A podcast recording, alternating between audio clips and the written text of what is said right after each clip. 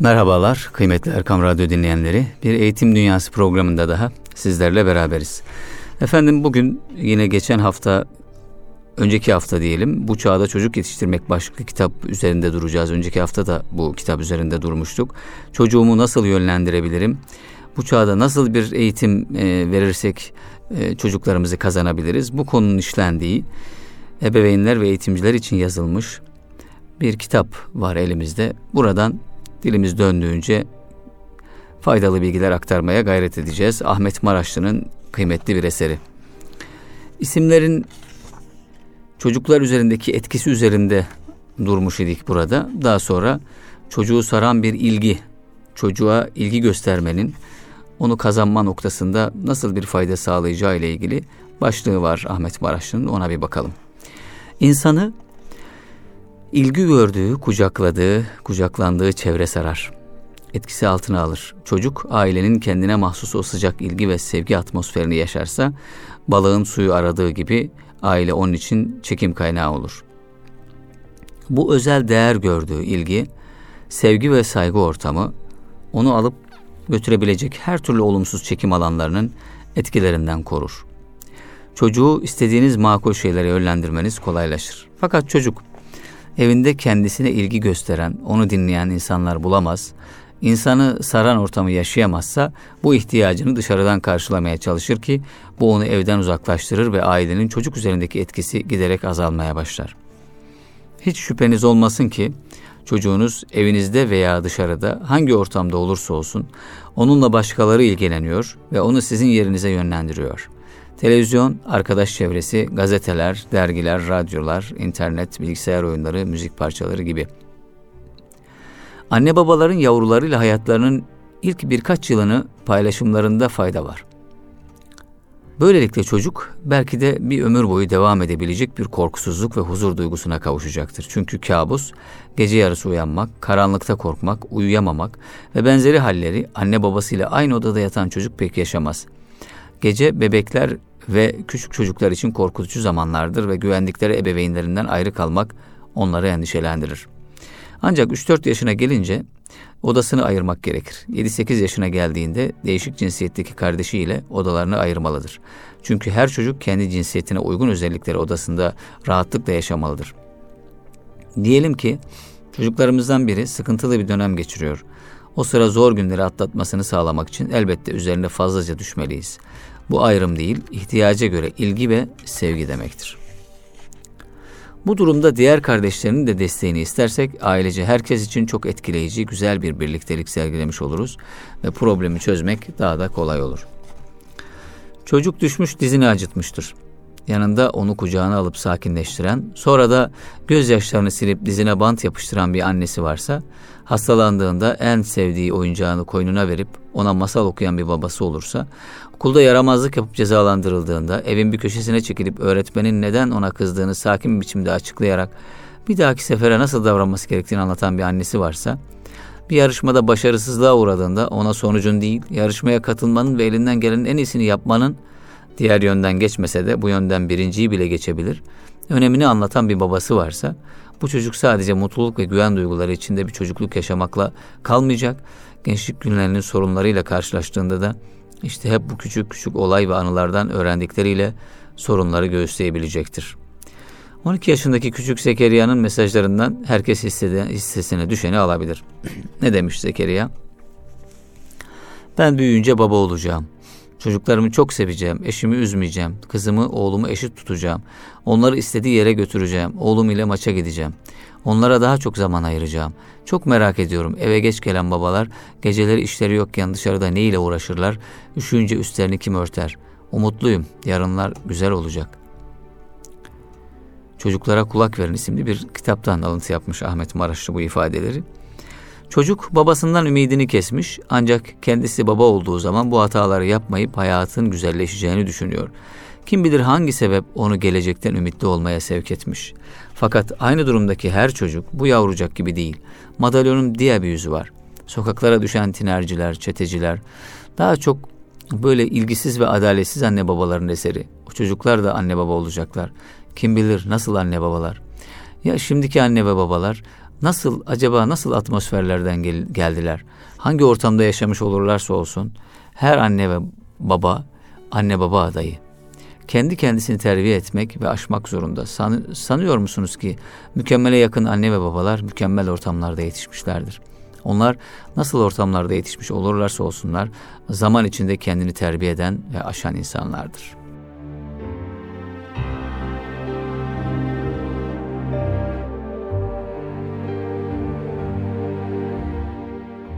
Peygamber Efendimiz aleyhissalatü vesselam anne babaları çocuklarıyla birlikte eğlenmeye, çocuksuluğa teşvik ediyor. Her şeyde olduğu gibi burada da uygulamalarıyla en güzel örnek oluyor.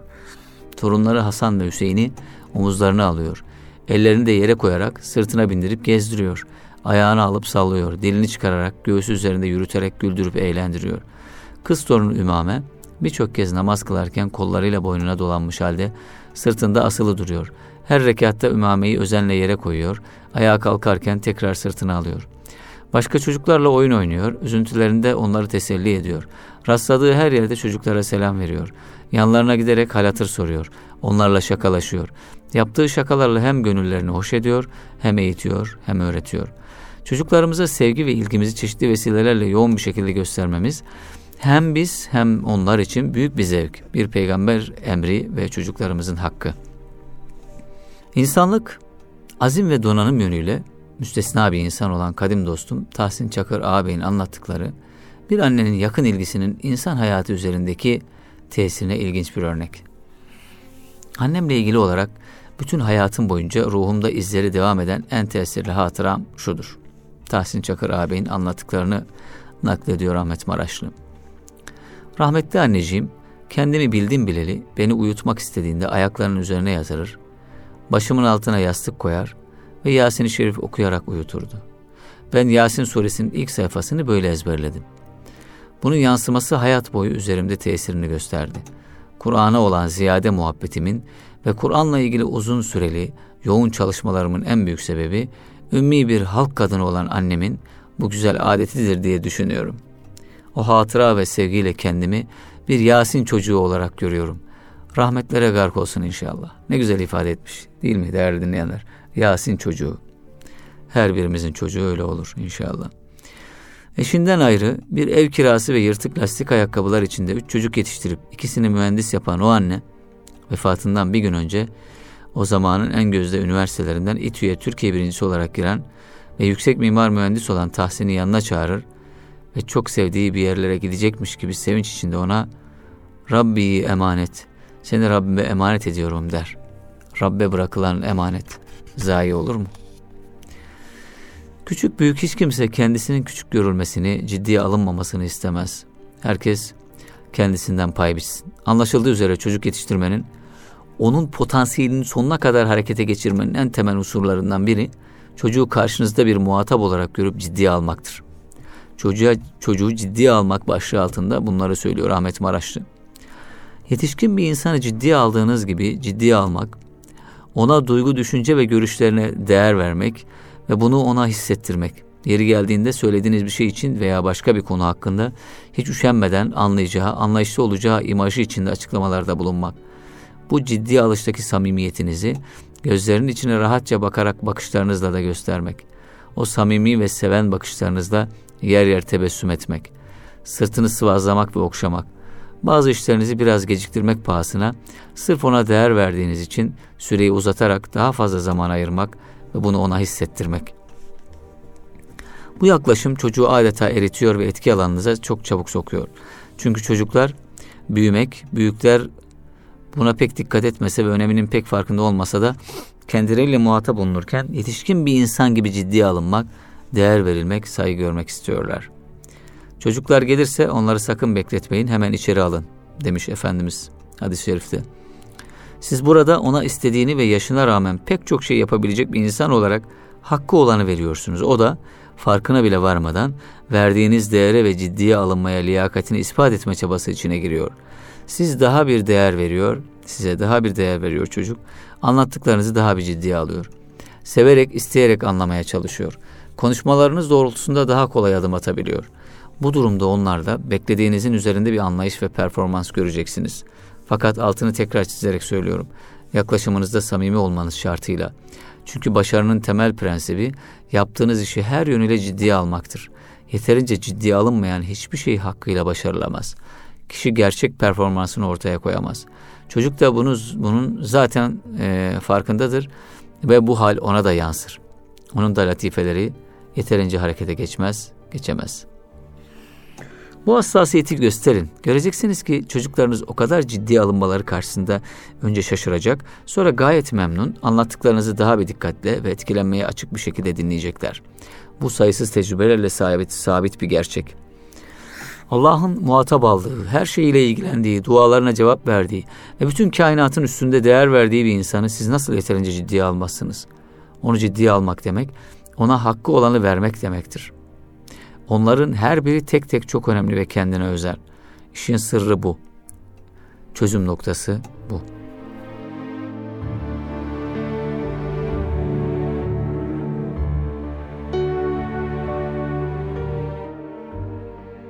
amirane bir şekilde söylediğiniz sözleri yerine getirseler de o sözlerin anlamları çocuklarınızın gönül, ruh ve akıl dünyalarında ne kadar etkili olur? Hiç dünyalarına girebilir mi? Mümkün değil. Bu olsa olsa çocuğa bir şeyleri sevdirmemenin yolu olur. Peygamberimiz Efendimiz bir gün Ebu Hureyre radıyallahu anh ile birlikte kızı Hazreti Fatıma'nın evine gider. Torunlarını görmek, sevmek ister. Kapıdan girer girmez Hasan'ı arayarak ''Küçük adam orada mı?'' Küçük adam orada mı diye sorar. Badi badi koşarak gelen torunu kucaklarken bir yandan dua eder. Ey Allah'ım ben onu seviyorum. Senin de onu ve onu sevenleri sevmeni diliyorum. Evet, onlar küçük insanlar. Onları ciddiye almadan söylediğiniz sözler çoğunlukla suyun üzerine yazılmış yazılar gibi olacaktır. Yani işin özünde insana değer vermek ve bunu ona hissettirmek var. Çocuk ciddiye alınmaya en az büyükler kadar layıktır. Çocuğu dinlemek. Ahmet Maraşlı bu çağda çocuk yetiştirmek isimli eserinden bizlere hitap etmeye devam ediyor değerli dinleyenler.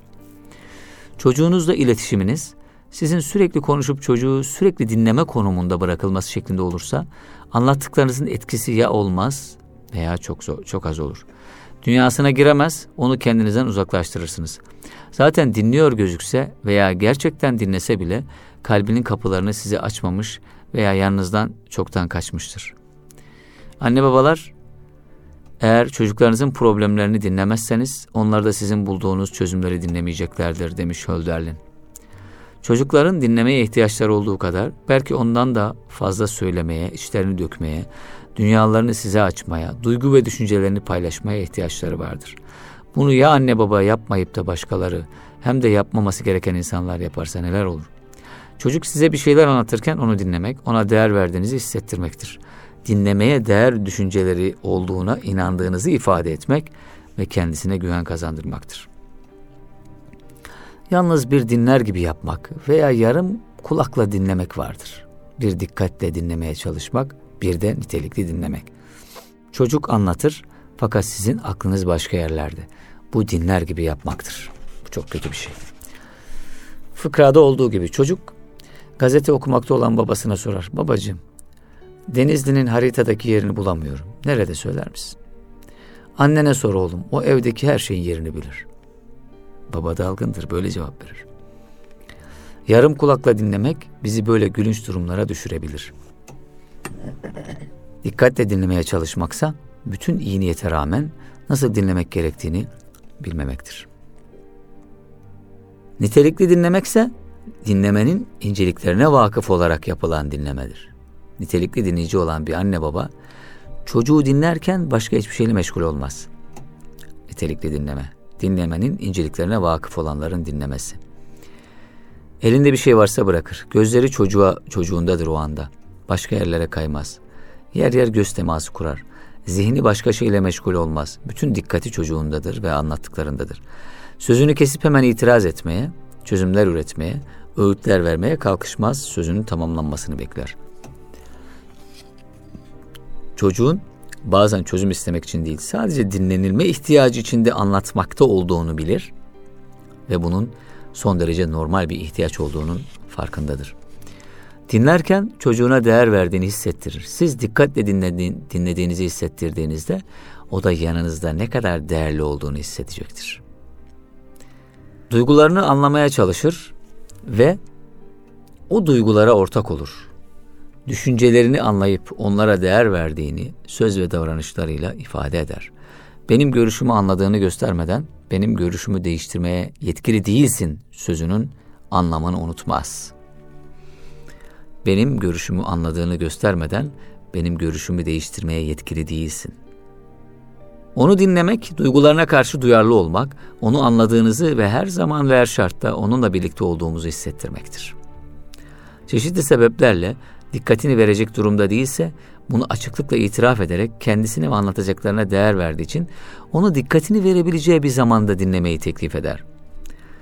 Zorunluluk olmadıkça dinlemeyi ertelemez. Anne babalar çocuklarını dinleme konusunda bu ertelemeyi çok yapar sonra da unuturlar. Oysa zamanında yapılmamış şey yapılmamış en azından hakkıyla yapılmamış demektir. Ertelemek zorundaysa bunu saygılı ve tatlı bir dille ve gerekçesiyle açıklar. Çocuğu rahatlatır, konuşma cesareti verir, konuşmaya teşvik eder. Bu konumda öncelikli görevinin konuşmak değil, dinlemek olduğunu unutmaz. Ayna olur. Bir baba, bir baba akıllı baba olmayı bırakıp da ayna olmaya karar verdiğim gün oğlum açılmaya, güvenmeye ve en önemlisi dinlediğini, dinlendiğini hissetmeye başladı. Kötü bir dinleyici olmak alışkanlık yapar. Odaklanma çaba ister, aynı olmak ise sabır diyor. Yerinde sorularla ve teyitlerle çocuğun açılmasını sağlar. İyi bir dinleyici olan baba ya da anne. Çocuğu dinlemenin onun için ne kadar önemli olduğunu, çocuğa ve aileye neler kazandıracağını bilir. Ona şahsiyet kazandırmanın, ciddi olarak düşünmeye yönlendirmenin vazgeçilmez bir adımı olduğunu farkındadır. Asla geçiştirmez. Nitelikli dinleyici.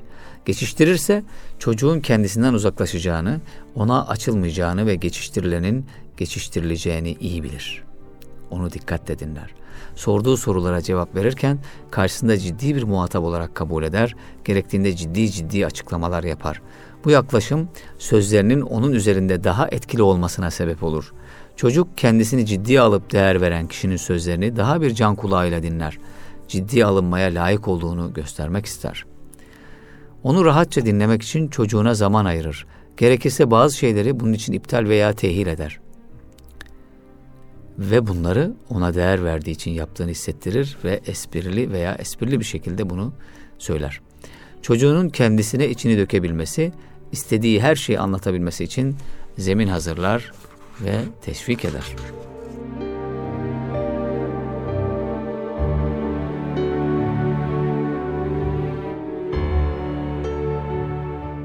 Nitelikli dinleyici, nitelikli anne baba, dinleyici anne babanın özelliklerini sayıyor Ahmet Maraşlı son iki madde.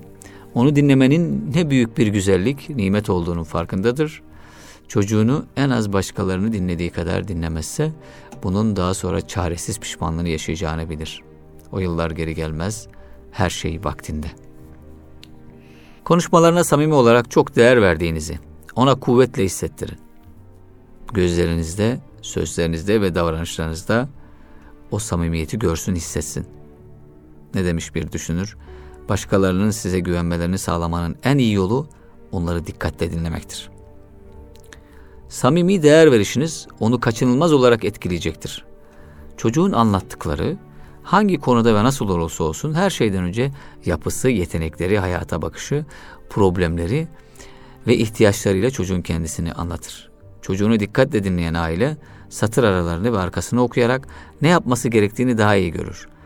Hani fıkrada geçer ya Betül annesine demiş anne şu Sema ne kadar tembel bir çocuk. Bakıyorum da iki saatten beri balkonda oturmuş hiçbir şey yapmıyor. Betül Sema'nın tembelliğinin farkında ama kendisinin de aynı şeyi yaptığının farkında değil. Onu fark edecek olan da annesi. Çocuğu dinlemenin bir başka boyutu daha var ki o da şu. Çocuğa kitap, dergi gibi e, benzeri şeyleri okutup ciddiyetle dinlemek. Bu metodu ilk defa bir tefsir kitabının ithafında gördüm diyor Ahmet Maraşlı. İbni Kesir hadislerle Kur'an-ı Kerim tefsiri. O ithafta Profesör Doktor Bekir Karla şunları söylüyor.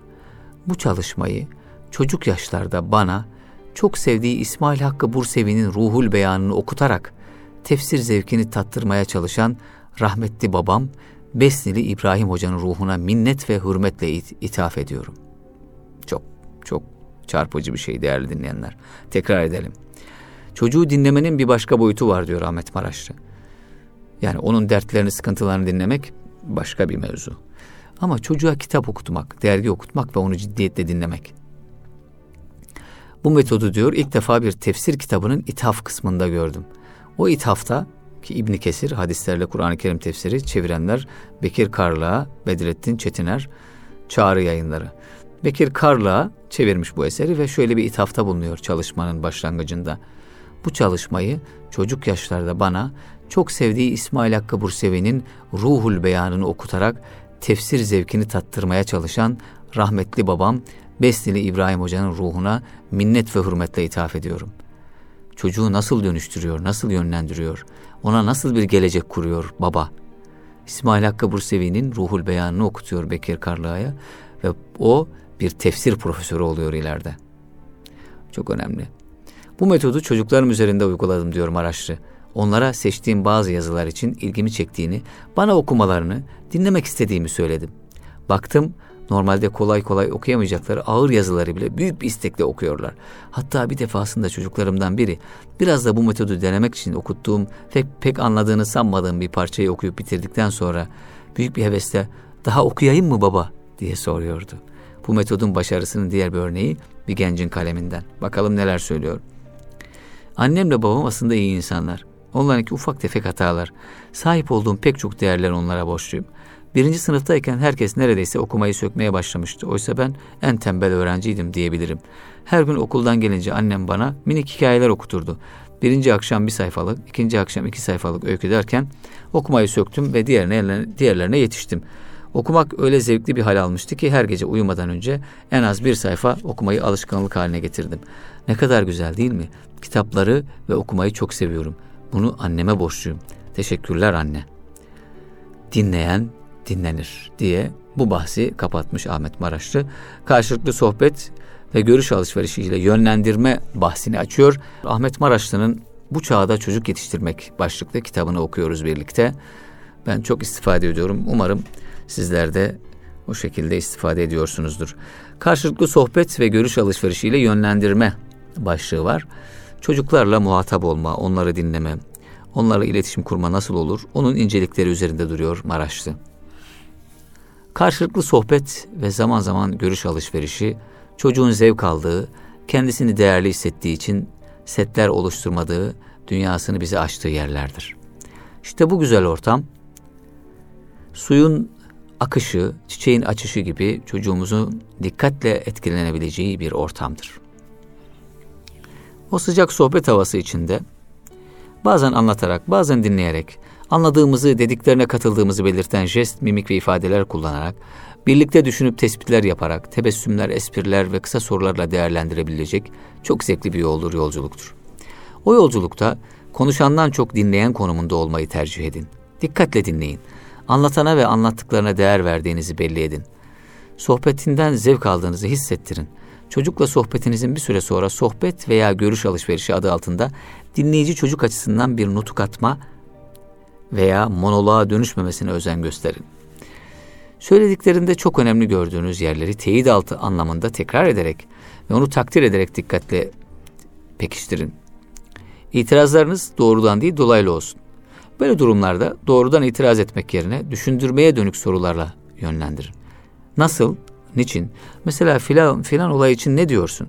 Filan sence niçin başarısızdı? Peki sence bu işin çıkış yolu ne?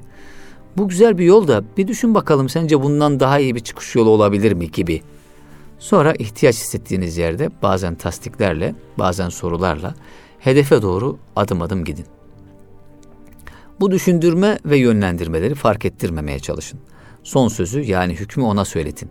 Siz de sonucun doğruluğunu kısaca ve gerekçeli olarak teyit edin ve onu onun düşünen yönünü görün, takdir edin. Bu sohbet faslında arada bir yükselen sesiniz samimi hayret ve takdir nidaları olsun. Bunlar sohbetinize renk katar ve karşınızdaki çocuğu daha bir rahatlatır, neşelendirir. Sesinizi gereksiz yere ve rahatsız edici bir şekilde yükseltmeyin. Hele asla ders verici ve emredici bir tonda olmasın. Hatıralarını zevkine vararak ve bunu ona hissettirerek dinleyin. size daha da açılmasını sağlarsınız. Ona güvendiğinizi, değer verdiğinizi gösterir şekilde ilgilerini çekeceğini ve faydalı olacağını düşündüğünüz hatıralarınızı anlatın. Fakat sözü tadında bırakın. Onlarla konuşurken başka şeyle meşgul olmayın. Konuşulanların bir yerde gerçek hayatla bağlantısını kurun. Üstünlük kurma psikolojisine girmeyin. Doğrularını yakalayıp kabul ve takdir edin. Birlikte düşünme ve böylece doğruları birlikte bulma psikolojisini yaşayın, yaşatın. Herkesin her konuda aynı şekilde düşünmesinin mümkün olmadığını, bunun şart olmadığı gibi bir iyi bir şey olmadığını da bilin ve hissettirin. Çocuğu eğitme çabası içinde sizin de ondan bir şeyler öğrenebileceğiniz bilinci içinde olun. Bunu açıklıkla ifade edin ve olduğunun da memnuniyetinizi belirtin. Bu yaklaşım aranızda buzlar dağ, buzdan dağlar bile olsa onu eritecektir. Ondan bir şeyler öğrendiğinizi ona hissettirme. Üzerinde nasıl yankılar yapacağını düşünerek konuşun. Yakup Aleyhisselam'ın küçük yaştaki oğlu Hazreti Yusuf'u dinleyip ona yol göstermesi, İbrahim Aleyhisselam'ın oğlu Hazreti İsmail'e rüyasını anlatıp bir düşün ne dersin diyerek düşünmeye ve fikrini açıklamaya sevk etmesi, Davud Aleyhisselam'ın 11 yaşındaki oğlu Hazreti Süleyman'ın bir dava hakkında görüşlerini dinlemesi ve kendi görüşünü bırakıp onun görüşünü daha uygun bularak öyle hükmetmesi Enbiya suresinde geçiyor. Kur'an'da bunların anlatılması çok düşündürücü ve yol gösterici. O çocuklar geleceğin peygamberleri ama bu örneklerinden hayatımıza sunulan mesajlar gayet açık. Bu sohbet ve görüş alışverişleri çocuğun duygu ve düşünce dünyasını gözlerinizin önünde geliştiğini yakından görmenizi ve ihtiyaç hissettiğiniz yerde ağaç yaşken eğilir sözü gereğince işiniz zorlaşmadan erken müdahale etmenizi, onu etkilemenizi sağlar. El ele, kol kola, omuz omuza, gönül gönüle yürür gidersiniz. Bu sohbet ve görüş alışverişlerinizden uzaklaştığınızda ise bir zaman sonra çok değişik sizlerden kopmuş duygu veya düşünceleriyle başka bir çocukla karşılaşıp şaşırabilir, çaresizlik hissi yaşayabilirsiniz.''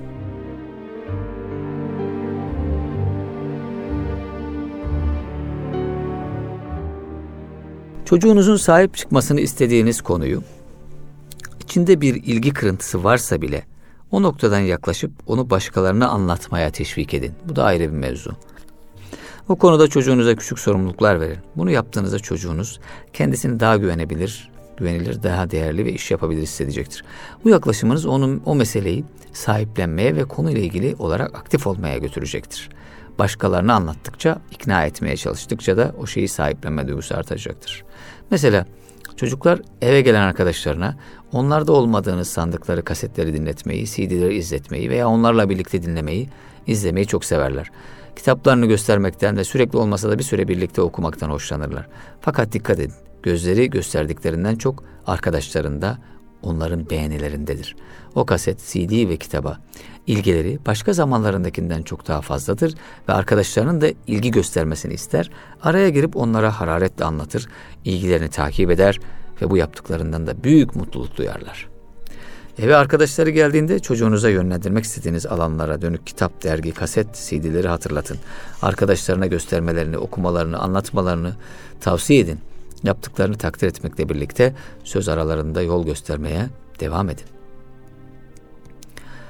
Çocuğu bir konunun içine çekip etkilemenin yollarından biri de değerli dinleyenler, sohbet ortamlarında etkilenmelerini istediğiniz konuda kendisine değer verdiğinizi belli eder bir tarzda kısmen de olsa cevap verebileceğini tahmin ettiğiniz soruları ona sormak, ondan görüş ve teyit isteyerek söylediklerini saygıyla dinlemektir sohbet ortamlarında. Bu yaklaşım onlara değer verme ve güvenmenin ifadesi. Böylece düşünceleri soran sorulan çocuk başlangıçta sıkılsa da kısa zamanda açılır, konulara ilgisi artar. Daha soğukkanlı ve dikkatli düşünmeye, hayata daha bir heves, ümit ve heyecanla bakmaya başlar. O ortamda söylenenleri daha bir ciddiyetle, ölçerek ve tartarak dinler. Çünkü o da artık o topluluğun yaşına rağmen görüşlerine değer verilen bir üyesi olmuştur. Böyle bir sohbette 50-60 yaşındaki bir insan bir şeyler anlattıktan sonra 10-12 yaşındaki bir çocuğa dönüp değil mi yavrucuğum şöyle şöyle değil mi diyerek onun teyidini isteyebilir, cesaret verip konuşturabilir. Hani çocuklar arasında şöyle şöyle olur ya sen filan zaman şöyle şöyle yapmıştın ya ne kadar güzel olmuştu o öyle. Onu bize anlatır mısın? Sen bu konuda ne düşünüyorsun? Senin bu konuda tespitin var mı? Onu bize anlatır mısın gibi sözler söyleyerek onu düşünme ve konuşma zeminine çekebilir. Çınarların ulu ağaçların arasında korunup kollanarak yetiştirilen fidanlar da olmalı. Böyle bahçelerde çok güzel fidanlar, ağaçlar yetiştirilebilir. Harika çiçekler açabilir. Bunu en çok bilge bakışların bilgisi, ilgisi, şefkati yapacaktır. Yaptığınız işe, çalışmanıza, kendisinden daha çok değer verdiğiniz tehlikeli imajını çocuklarınızda asla uyandırmayın. Bu durum telafi edilmesi çok zor ve imkansız büyük problemlere yol açar. Çünkü çocuk o işi kendisine bir rakip olarak görmeye başlayabilir. Babasının veya annesinin o şeyi kendisine tercih ediyor duygusu çocuğu aşağılık kompleksine iter, ezer, meşgul olduğunuz şeyden ve sizden uzaklaştırır. Çok önemli. Değerli eğitimci dostum Fahri Sevimli Hoca'nın bu konuda esprili bir tespiti var. Evinizdeki kristal bardaklar çocuğunuzdan daha kıymetli olmuşsa yapılacak bir şey yok. Çünkü siz tercihinizi yapmışsınız. Hasadınız da buna göre olacaktır diyor. Bu bazen kristal bardak hükmünde bir şey olur. Bazen gerçekten insanın kendisinden bile değerli başka bir şey. Burada mesele konunun ciddiyetinin farkında olarak çocuğun olumsuz etkilenmesine fırsat vermemek, bilakis olumlu etkilenmesini sağlayacak davranış göstermektir. Her anne babanın yaşaması gereken bu tedirginlik, çocuklarımın bulunduğu ortamlarda yaptığım çalışmalar sırasındaki davranışlarıma bilhassa yön verdi. Evdeki emektar masamda uzun yıllar boyunca Kur'an'la ilgili çalışmalarım sırasında bunu çok yaşadım. Çok yoğun ve pür dikkat olduğum bir anda çocuklarımdan bir haklı olarak gelip bir şey sormak veya anlatmak istiyordu, ilgi istiyordu. Bu durumda eğer dalgınlığıma gelmemişse süratle kendi içimde bir diyaloğa giriyordum. Şu anda ne yapmam lazım? Çocukla ilgilenmeyi mi yoksa çalışmaya devam etmeyi mi tercih etsem? Hangisi daha uygun olur? Bunun çocuk üzerinde ne gibi tesirleri olur? Çalışmama kendisinden daha çok değer verdiğim tehlikeli imajı çocuğumun zihninde uyanabilir mi?'' O anda Kur'an'la ilgileniyor düşünün. Bütün bunları terazinin kefelerine koyup tartıyordum. Çoğu zaman çalışmayı bırakıp her şeyimle tamamen çocuğa yöneldim. Yani yarı işle, yarı çocukla ilgileniyor intibahını vermemeye bilhassa gayret ettim. Bu imajı özellikle vermeye çalıştım. Eğer müsaitsem zaten çalışmayı bırakıp onunla ilgileniyordum. Bazen ne kadar yoğun olursam olayım, babam bu çalışma yüzünden bizimle ilgilenmiyor diyerek olumsuz duygular içine girmesin, o çalışmayı babasıyla arasında bir engel gibi görmesin, aman Kur'an sevgisine halel gelmesin düşüncesiyle çalışmayı özellikle bırakıp çocukla ilgilendim. Ne kadar önemli mevzular değerli dinleyenler. Hiç müsait değilsem mutlaka onun anlayacağı bir dille kısa da olsa makul mazeretimi belirttim. Ama mutlaka bir açıklama, asla geçiştirme yok. Yerinde reddetmek çocuğu disiplinize etmeye yardımcı olur. Öyle değil mi değerli dinleyenler? Belki de o anda çok önemli, gerçekten çok önemli mevzuyla da ilgileniyor olabilirsiniz. Ama ne olursa olsun çocuğunuzla arasını aranıza girmesine müsaade etmemeli. O değerli işi, o kıymetli işi çocuğun gözünde küçük düşürtmemeli. Meşgul dahi olsanız çocuklarınızı daha sonra anlatırsın diyerek geri çevirmeyin. Bizi yaratan elimizden geleni yapmamızı istiyor. Ben de bu konuda özellikle dikkatli olmaya, elimden geleni yapmaya gayret ettim diyor Maraşlı. Kur'an çalışması bitti ama o hassasiyet o kadar büyük korku içinde olmasa da başka çalışmalarda devam ediyor. O tehlikeli imaj konusunda çeşitli çocukların ailelerine gönderdikleri mesajlardan örnekler arz ediyorum ki bu mesajlara kapanan yürekler daha sonra pişmanlıkla çok kıvranır. Bakın mesajlara. Küçük Serhat'tan annesine. Yine çocuklara kulak verin başlıklı Aysel Ürün'ün kitabından alıntı. Anne soruyorum. Sen beni mi yoksa ev işlerini mi daha çok seviyorsun? Neden daha çok ev işleriyle ilgileniyorsun? Minik kız babasına soruyor. Baba bize hep bu hafta sonu evin eksiklerini hatırlatın diyorsun. Sana hatırlattığımız zaman da işim var deyip geçiyorsun. Çok merak ediyorum baba. Acaba senin bu işlerin ne zaman bitecek? Küçük Hakan ise iç burkan mesajını şöyle veriyor babasına. Babacığım seninle oynamak istediğim zaman yorgunum diyorsun. Yılın 365 günü bu böyle. Peki yılın 366. günü benimle oynar mısın? Evinde yaptığı işleri çocuğuyla ilgilenmenin önüne alan anneler, başka türlü yapması mümkün olduğu halde evden erken çıkıp geç gelen babalar. Dikkat edelim. Para, mevki ya da başka şeyler kazanmaya çalışırken çocuğumuzu işimize feda etmeyelim farkına bile varmadan.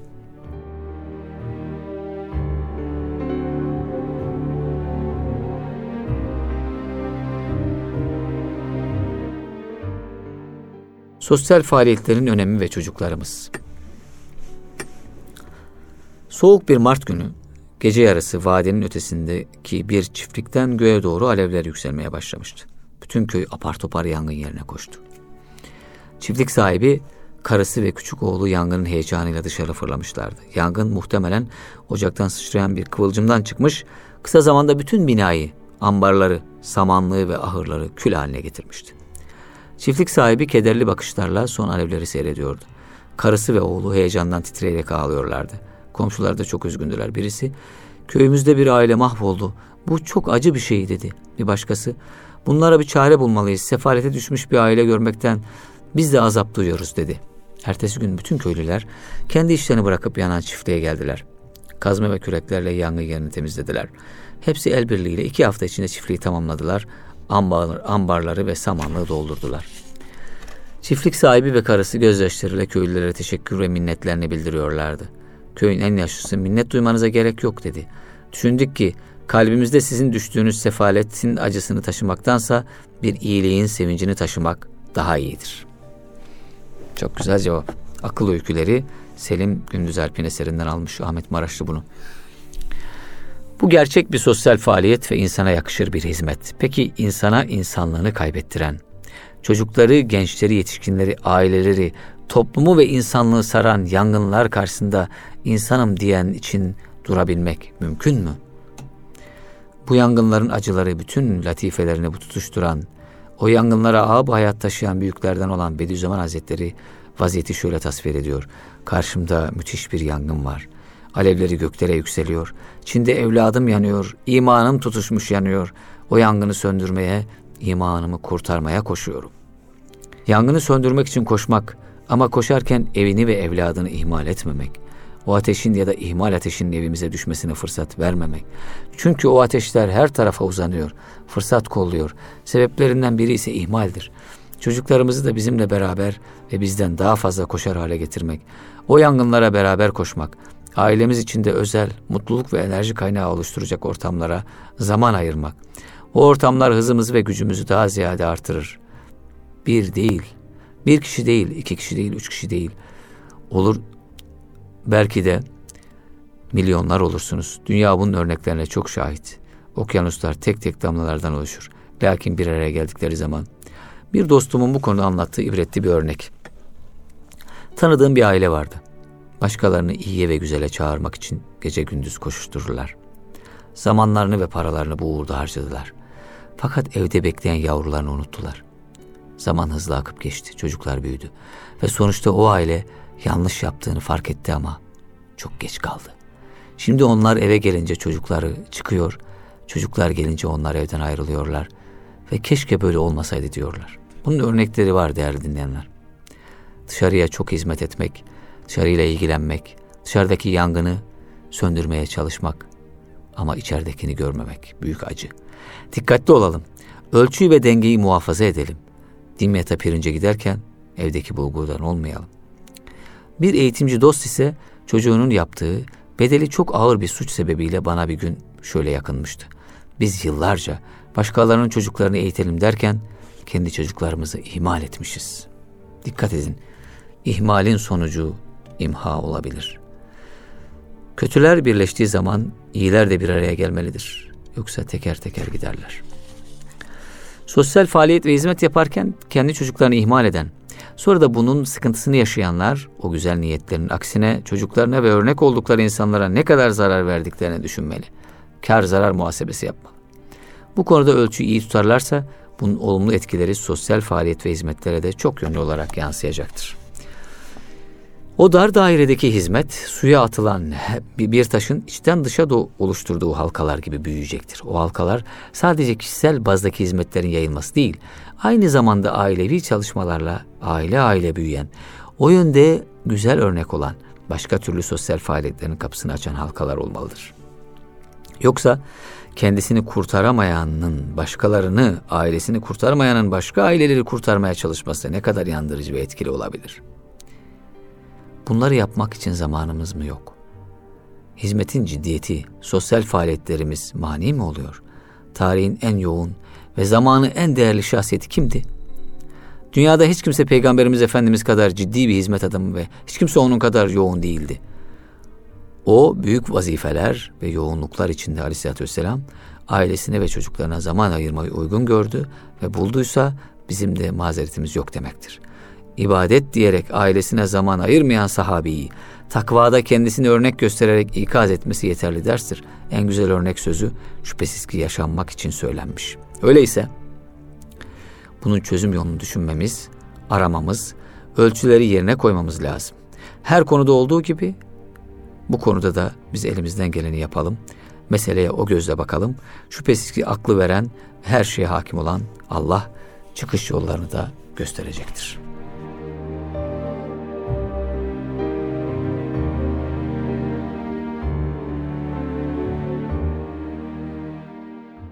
Efendim çok önemli mevzular, çok değerli örneklerle, kendi hayatından örneklerle süsleyerek bizlere aktarıyor Ahmet Maraşlı.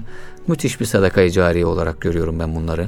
Bu örnekleri, bu tecrübeleri ee, Allah selamet, sıhhat, afiyet versin diyelim. Buradan dua edelim yazarımıza.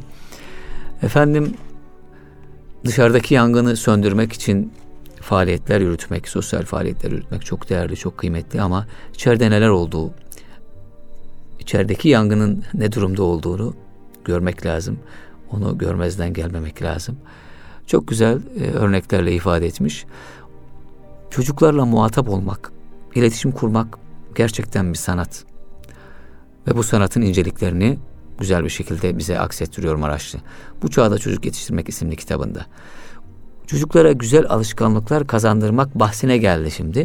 Ama tabii vaktimizde burada nihayet buluyor değerli dinleyenler. Dilerseniz o bahse şöyle bir göz atalım. Öyle bitirelim. Birkaç dakikamız varmış. İnsanı yoğurup şekillendiren şey alışkanlıklarıdır değerli dinleyenler. Hepimiz alışkanlıklarımızın çocuğuyuz. Çocuklarımız da alışkanlıkların insanı olacaklar. Görüldüğü gibi mesele alışkanlık denip geçilecek gibi değil. Çok ciddi. Genellikle pek farkına varılmasa da o alışkanlıklar daha çok çocukluk ve gençlik yıllarında kazanılıyor. Öyleyse değerli insan yetiştirmek için yapacağımız en önemli şey çocuklarımızın alışkanlıklarına dikkat etmek. Bu da iki yolla olur. Kötü ve gereksiz alışkanlıklardan korumak, iyi ve güzel alışkanlıklar kazandırmak. Buna ne kadar erken muvaffak olursak o kadar güzel olur. Kötü alışkanlık sahipleri için alışmış kudurmuştan beter de derler ya, biz de iyi alışkanlıklar kazananlar için alışmış ya, yeter diyebiliriz. Hele o alışkanlıkları kazanan çocuklar ve gençler olursa ne kadar hassasiz değil mi çevremizde yaygın bir şekilde insana yakışan güzel alışkanlıklar görmeye. Bunun için atacağımız ilk adım bizim için biraz ürkütücü de olsa kendimizi test etmek olabilir. Önce kendi alışkanlıklarımızı alt alta yazabiliriz. Bazı şeyleri çocuktan isterken daha gerçekçi ve çözü, sözünü kendini dinletebilmiş güçte olmak için önce biz alışkanlıklarımızı gözden ve sonra da revizyondan geçirebiliriz. Bunu biraz olsun yapmayan, yap, yapamayanın benzer şeyleri çocuğundan istemeye hakkı olabilir mi? Ancak bir dereceye kadar olsun yaptıktan sonra sıra çocuklarımıza gelebilir. Kendimizden ve başkalarından örnekler vererek çocuklarımızla kendi alışkanlıklarını konuşup alt alta yazabilir veya kendilerinden düşünüp yazmalarını isteyebilir. Sonra sıra o alışkanlıklar üzerinde konuşmaya ve yanı yeni alışkanlıklar edinmeye gelir. Bazı alışkanlıkları hep birlikte ailece edinmeye de karar verebiliriz. Bu bilinç ve gayretler aile ortamına farklı ve neşeli bir heyecan katar. Kısa bir süre sonra aile geriye baktığında eski yerlerinde olmadıklarını, çok mesafe aldıklarını görürler. Mevlana, çocuk elmayı görmeden kokulu soğanı eline, elinden bırakmaz diyor. Çocuk elmayı görmeden kokulu soğanı elinden bırakmaz. Alışkanlıklara onun yerini dolduracak, o ihtiyaca hitap edecek, mümkünse daha güçlü, zıt ya da benzer başka alışkanlıklarla gem takılır. Bütün alışkanlıklar istenirse ve zorlanırsa değiştirilme özelliğine sahiptir. Alternatiflerin gücü, çevre, teşvik ve irade zoru kolaylaştırır. Çocuğu kötü bir alışkanlığı bıraktırmak için onun yerine ondan meydana gelecek boşluğu dolduracak güçte iyi bir alternatif sunmak işimizi kolaylaştırır. Örnek, çocuğu zararlarından korumak düşüncesiyle televizyonu yasaklamak ya da kaldırmak yeterli bir çözüm değil. Bunun yerine seçici ve irdeleyici olma bilinci vermek veya onun yerine koymayı düşündüğünüz güçlü alternatifleri cazip bir şekilde sunmak. Alışmak, alıştırmak. İşte bütün terbiyecilerin erişmek istedikleri gaye. Alışmak, alıştırmak. İşte bütün terbiyecilerin erişmek istedikleri gaye. İbrahim Ünal. Kitap Tiryakiliği başka kitaptan alınma.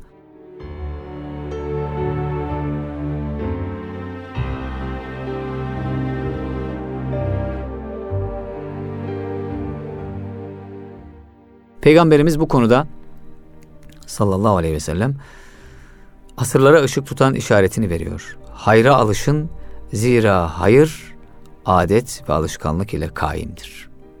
Hayra alışın zira hayır adet ile alışkanlık ile kaimdir. Demek ki alışmak bu kadar mühim.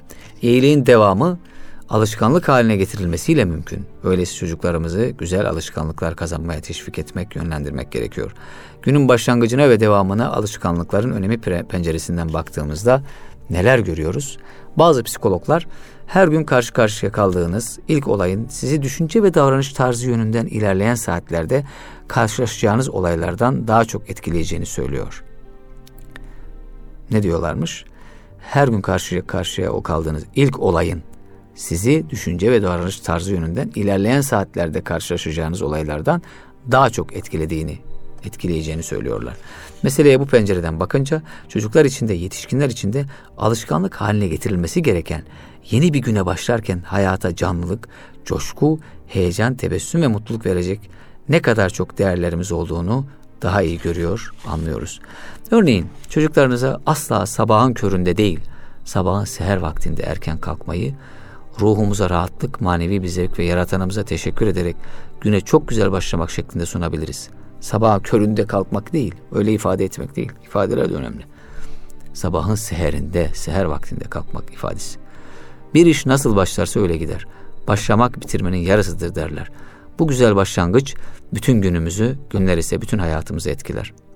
Zikzaklar girdi açısından günün en önemli ikinci bölümü akşam saatleridir. Girdi açısından günün en önemli bölümü ikinci bölümü akşam saatleridir. Yıllardır uyumadan önce olumlu şeylerden bahseden bir yazı okurum. Bu benim şuur altımın gece boyunca okuduğum şeyle ilgilenmesini ve hayal gücümün olumlu yönde gelişmesini sağlar.